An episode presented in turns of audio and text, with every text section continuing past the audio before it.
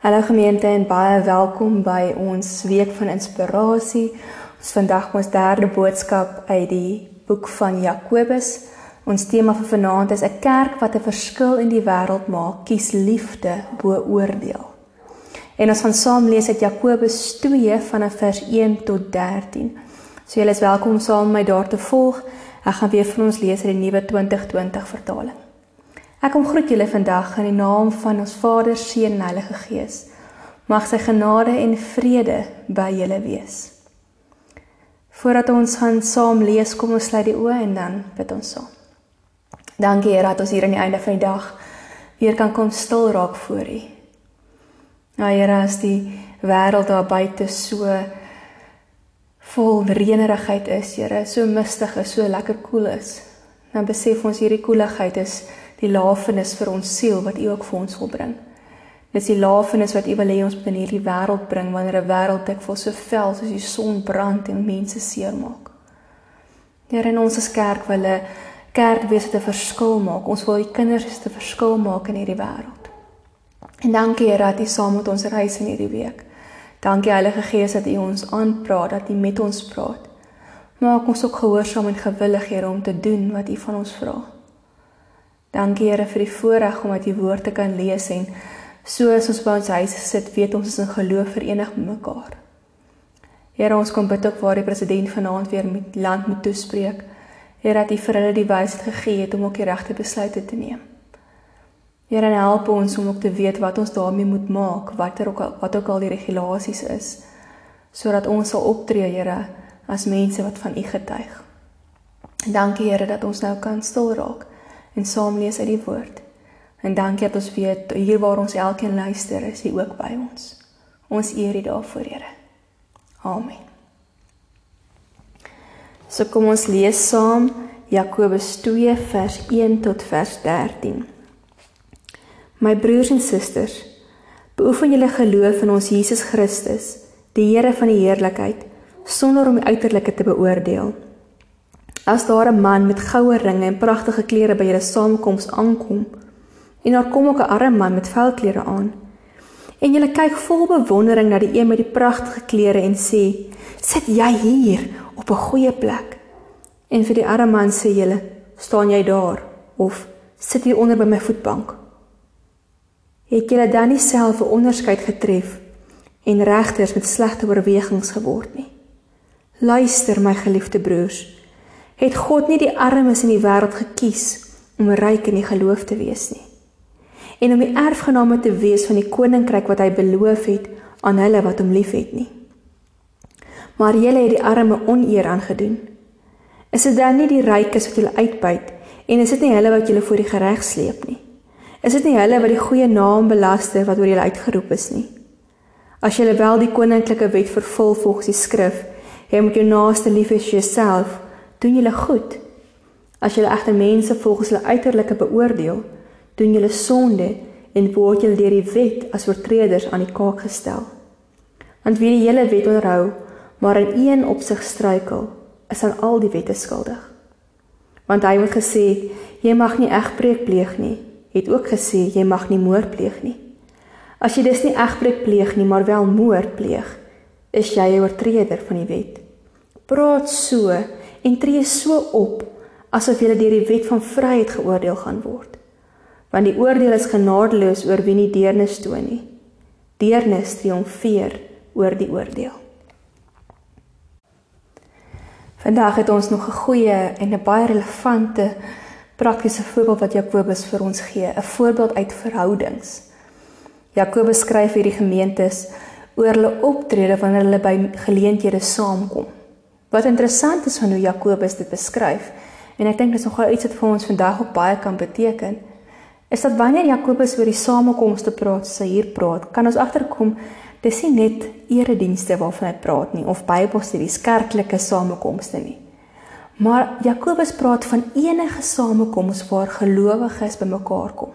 Of dit by die kerk is, of dit by skole is of dit in winkelsentrums is, by ons werksplekke, om braaivleisvure, oral waar ons bymekaar kom. Sê hy eintlik het ons die geleentheid om 'n verskil te maak oor hoe ons mekaar hanteer. Maar Vir ons as kerk en gelowiges om 'n verskil te maak in mense se lewens, het ons nodig om oordeel uit die weg te ry. Jakobus begin hierdie hoofstuk weer te sê: "My broers, beoefen julle geloof in ons Jesus Christus, die Here van die heerlikheid, sonder om die uiterlike te beoordeel." Dit klink eintlik so eenvoudig. As ons ons geloof wil uitleef, beoefen, as ons 'n lewendige kerk wees, beteken dit ons mag nie uiterlik oordeel nie. Eenvoudig nie? So so maklik. Maar dan wil ek vandag vir julle vra, het jy vandag deurgegaan en kan jy môre deurgaan en eerlikwaar sê jy het nie een oordeelgedagte of neerhalende gedagte oor 'n ander mens gedink nie.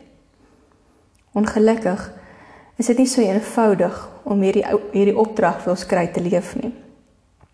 Jakobus gebruik die voorbeeld hierso van die die onmenitoos in die gemeente tussen ryk en arm om vir hulle mense bewus te maak, vir die gemeente bewus te maak hoe natuurlik, hoe maklik kom dit om dat ons oordeel. En die gevolg van hierdie oordeel is dat ons mense uitstoot, mense vermy. En vandag is dit nog dieselfde. Die probleem hiermee is dat ons as kerk kelder. Want as ons oordeel en mense uitsluit, gaan veroorsaak dat ons die geleenthede mis wat ons doeners in geloof kan word, soos ons gister gehoor het. Die hoofstuk wat ons vandag gelees het, is nou 'n 'n lang gedeelte wat Jakobus nogal hard met hierdie hierdie geliefde broers van hom praat, met die gemeente praat. Maar dis 'n gedeelte wat ons kan help verstaan waarom ons as mense so maklik oordeel en wat ons daaruit kan leer sodat ons kinders van God kan word wat 'n verskil in die wêreld maak. So as ek na hierdie gedeelte kyk, dan sien ek daar's drie redes waarom Jakobus sê ons maklik oordeel. Die eerste rede kry ons in die eerste 5 verse wat hy sê as gelowiges raak ons skuldig omdat ons dink ons is beter as ander gelowiges. Want ons oordeel mekaar op uiterlike uit uiterlike kenmerke, spesifiek hier omdat hulle ryk of arm is. As gelowiges dink ons baie maklik ons is meerderwaardig. Ons is meer werd as ander mense wat ons dink is beter, wat ons doen is beter. En Jakobus kom sê hier so baie duidelik, dis nie aanvaarbaar nie. Want as ons mense oordeel op hoe hulle uiterlik lyk, dan tree ons eintlik teen God op sy eie. Want in vers 4 staan daar as ons oordeel, stel ons onsself as regters oor mense aan. En eintlik is om te oordeel en regter te wees net iets wat God kan doen. En wat dit nog erger maak is ons oordeel nie net nie terwyl ons nie mag nie. Ons oordeel nog verkeerd ook. Want staan hier staan God kies mense uit wat in die wêreld se oë min beteken arm is om ryk te wees in die geloof. God se maatstawwe is soveel anders as ons maatstawwe en daarom kan ons nie oordeel nie. Wat ons hier sien is 'n wonderlike kenmerk van God waarin ons kan vashou. Ons dikwels vir onsself vat en sê God kyk nie na ons uiterlike nie. Hy kyk na wat in in ons aangaan. En hy trek ons nader omdat hy weet hoe nodig ons hom het. Jakobus gaan dan nog verder en hy praat oor die tweede rede waarom dit verkeerd is as ons mekaar oordeel. En hy sê dat wanneer ons mekaar oordeel, is ons kortsigtig. Dit beteken ons sien nie raak wat werklik aan die gang is en wat ons besig is om te doen nie. Oordeel kom vir ons mense so maklik, so natuurlik, dis amper soos asemhaal. Ons sien iemand op die straat en dadelik vorm ons 'n opinie oor die persoon. Dit maak nie vir ons saak wat waar is of nie waar is nie. Ons doen dit outomaties. En ons doen dit dikwels omdat ons iets gehoor het by ander mense oor die persoon of op ander mense se standaarde werk. En dis juist in die maatstaf wat God gebruik het, nie soos ons nou ook gehoor het. Ons word eintlik om die bos gelei, aan die om die, aan die neus rond gesleep om dit so te stel. Om te oordeel oor mense op ander mense se opinies. Op ander mense se standaarde. En ons word so vasgevang daarin dat ons dit nie eens agterkom nie. Ek wil nou 'n voorbeeld noem. Dit word vir ons maklik normaal en aanvaarbaar om mense uit te sluit in ons gesprekke en ons samekomste waar ons ook al werk of saamkom omdat hulle verskil. Omdat hulle dalk 'n ander taal is, 'n ander ras is, omdat hulle op 'n ander plek bly Omdat hulle anders lyk as ons, omdat ons dink hulle is 'n ander geloof. Omdat hulle net eenvoudig verskil. Ons dink dit is heeltemal normaal om saam te groepeer met soortgelyke mense, asof daar niks meer fout is nie. En tog as ons die Bybel so lees, dan kom ons agter maar Jesus het nie hom saamgegroepeer met mense wat nie dieselfde as hy was nie. Hy het hom omring met alle mense. So as ons werklik nadink oor wat is die kriteria, die maatstawwe wat ons gebruik om mense te oordeel. Wat is dit? En waar kom hierdie oordeele vandaan? Wie vorm dit?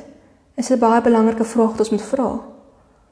Hoe baie keer maak ons die mense seer en word ons self seer gemaak en teleurgestel omdat ons die woorde hoor jy's nie goed genoeg of jy pas nie in nie of jy's nie ons tipe mens nie.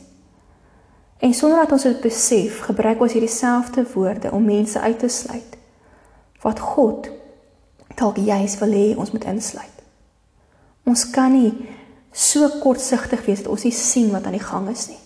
Ons moet ons oë oopmaak en te sien dat God se standaarde anders is as die wêreld se standaarde. En daarom noem Jakobus 'n derde rede waarom dit verkeerd is dat hy wat hy sê ons nie moet oordeel op die uiterlike nie. En dit is dat ons toelaat dat mense ons aan die neus rondlei om te sê wat reg wat hoe ons moet oordeel.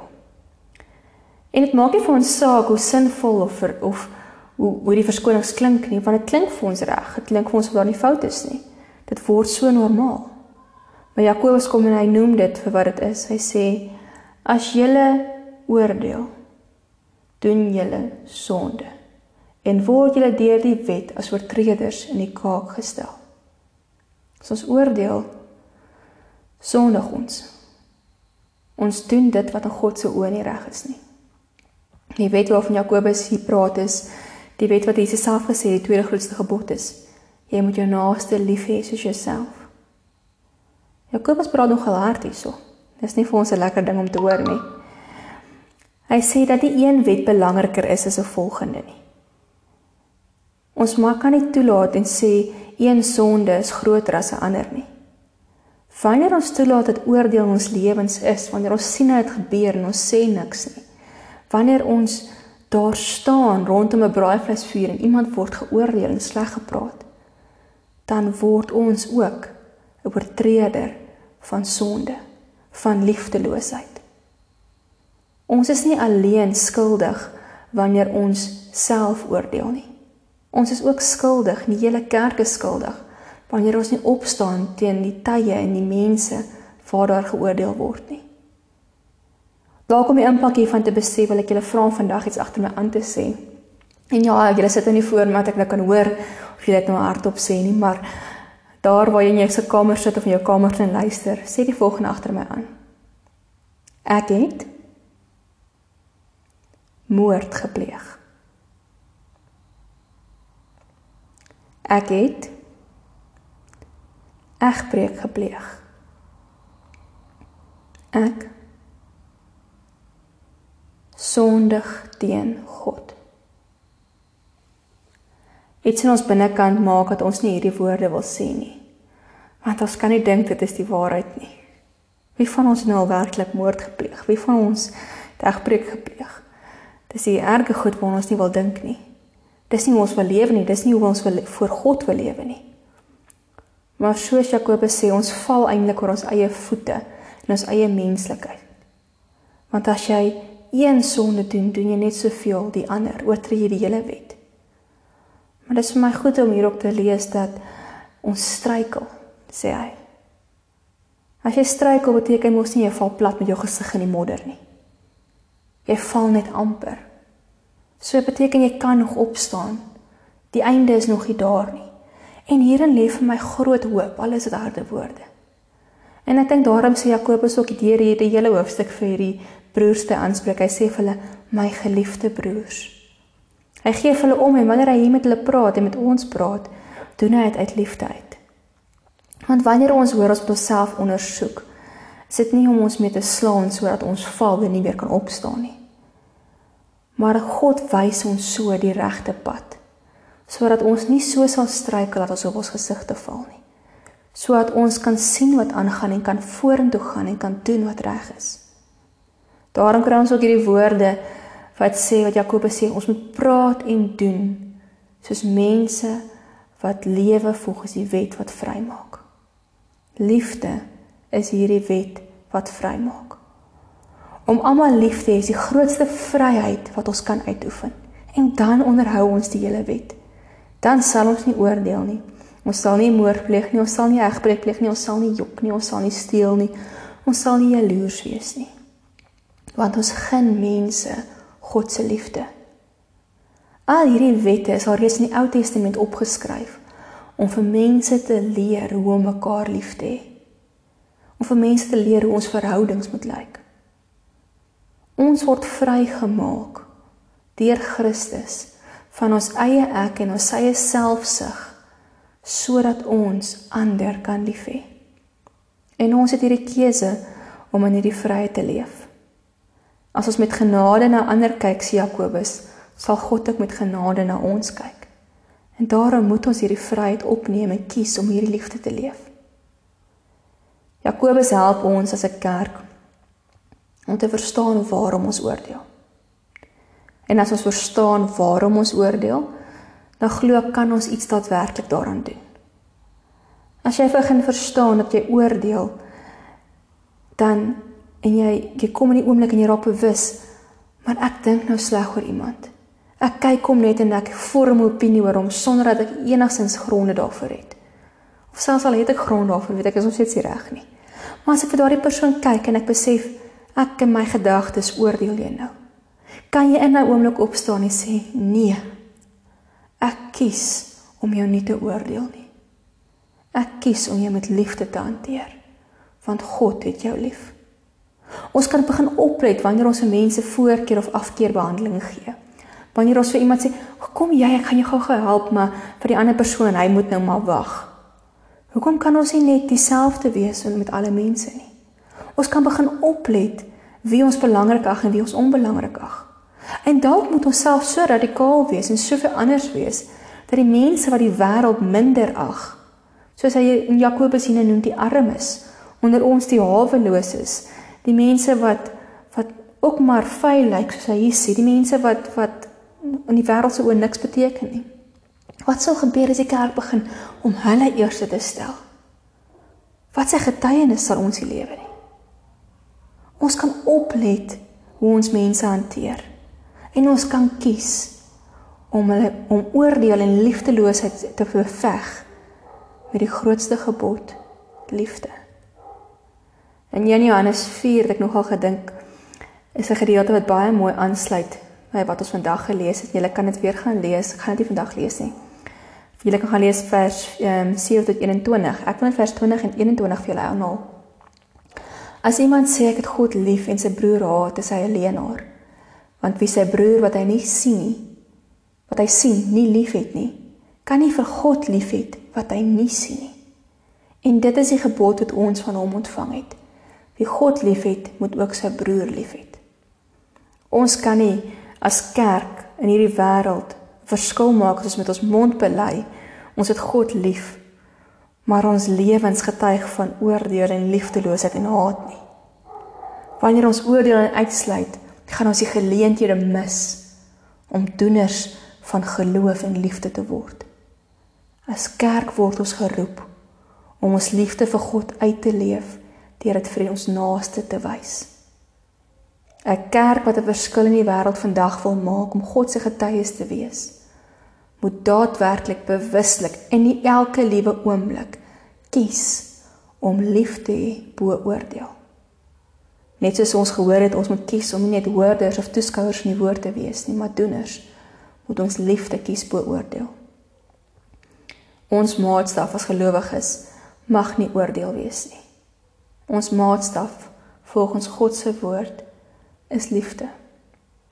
En as ons nie weet wat om te besluit wanneer iets oor ons pad kom nie, kom ons maak eerder die fout aan die kant van naaste liefde as aan die kant van oordeel. Want waar die heilige maatstaf van die wêreld die normaal van die wêreld is om mekaar te oordeel, te skinder, mekaar neer te kyk, moet ons dade so vol naaste liefde word dat die nuwe normaal in die tyd waarin ons leef die normaal van liefde raak. So hy my tuiswerk vir julle vir vanaand. Om oor so na te dink, te gesels by die huis met julle geloofsvriend of vriendin te gesels. Gaan ek weer op WhatsApp ook uitstuur maar ek lees dit vir julle. Gesels of dink na oor die volgende twee vrae. Sukkel jy dalk met oordeel? En kan die brief van Jakobus jou help om te verstaan waarom jy oordeel? Hoe kan hierdie brief jou help om jou oordeel te oorkom? En die tweede vraag, Is daar spesifieke gebeurtenisse wat jy kan onthou waar jy oor mense geoordeel het? Die opdrag wat ons het is raak bewus van jou gedagtes en optrede wanneer jy iemand sien en let op wanneer jy oordeel. Maak dan dadelik 'n punt daarvan om liefde beoordeel te kies. As jy 'n spesifieke situasie onthou waar jy geoordeel het, vra vergifnis daarvoor. Gaan na die persoon toe. Sê vir die persoon jammer. En die derde ehm um, opdrag is as daar 'n tyd is waar jy beleef het jy word geoordeel of uitgesluit. Vergewe en spreek vry daardie mense. Want jy weet dis nie hoe God se hart lyk nie. God oordeel nie so nie. En as jy dan nou klaar saam gedink het, bid dan ook vir mekaar. Vra vergifnis vir die kere wat jy mense geoordeel het by die Here en wees spesifiek as jy kan. Vra die Gees om jou te help om liefde bo oordeel te kies in jou alledaagse lewe. En sê dankie vir die Here dat hy jou nie op menslike maatstawwe oordeel nie. Gebruik nou hierdie tydjie wat jy het en gesels met mekaar en mag die genade en die vrede van Jesus by julle wees hierdie nag en vir julle elkeen 'n goeie nagrus gee. Môre aand stuur ons die volgende boodskap uit en dan sal ons weer die daarna Sondag aangaan met die reeks. Lekker slaap almal.